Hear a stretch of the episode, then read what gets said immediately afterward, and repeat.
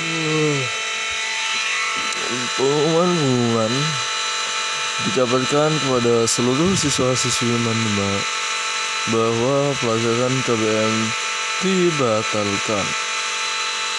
Dan untuk melaksanakan kegiatan belajar mengajar maka siswa diharapkan di rumah saja sambil nanti melaksanakan sistem KBM secara daring atau online atau PJJ.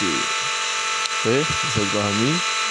Semangat belajar dan terus berkarya demi masa depan bangsa.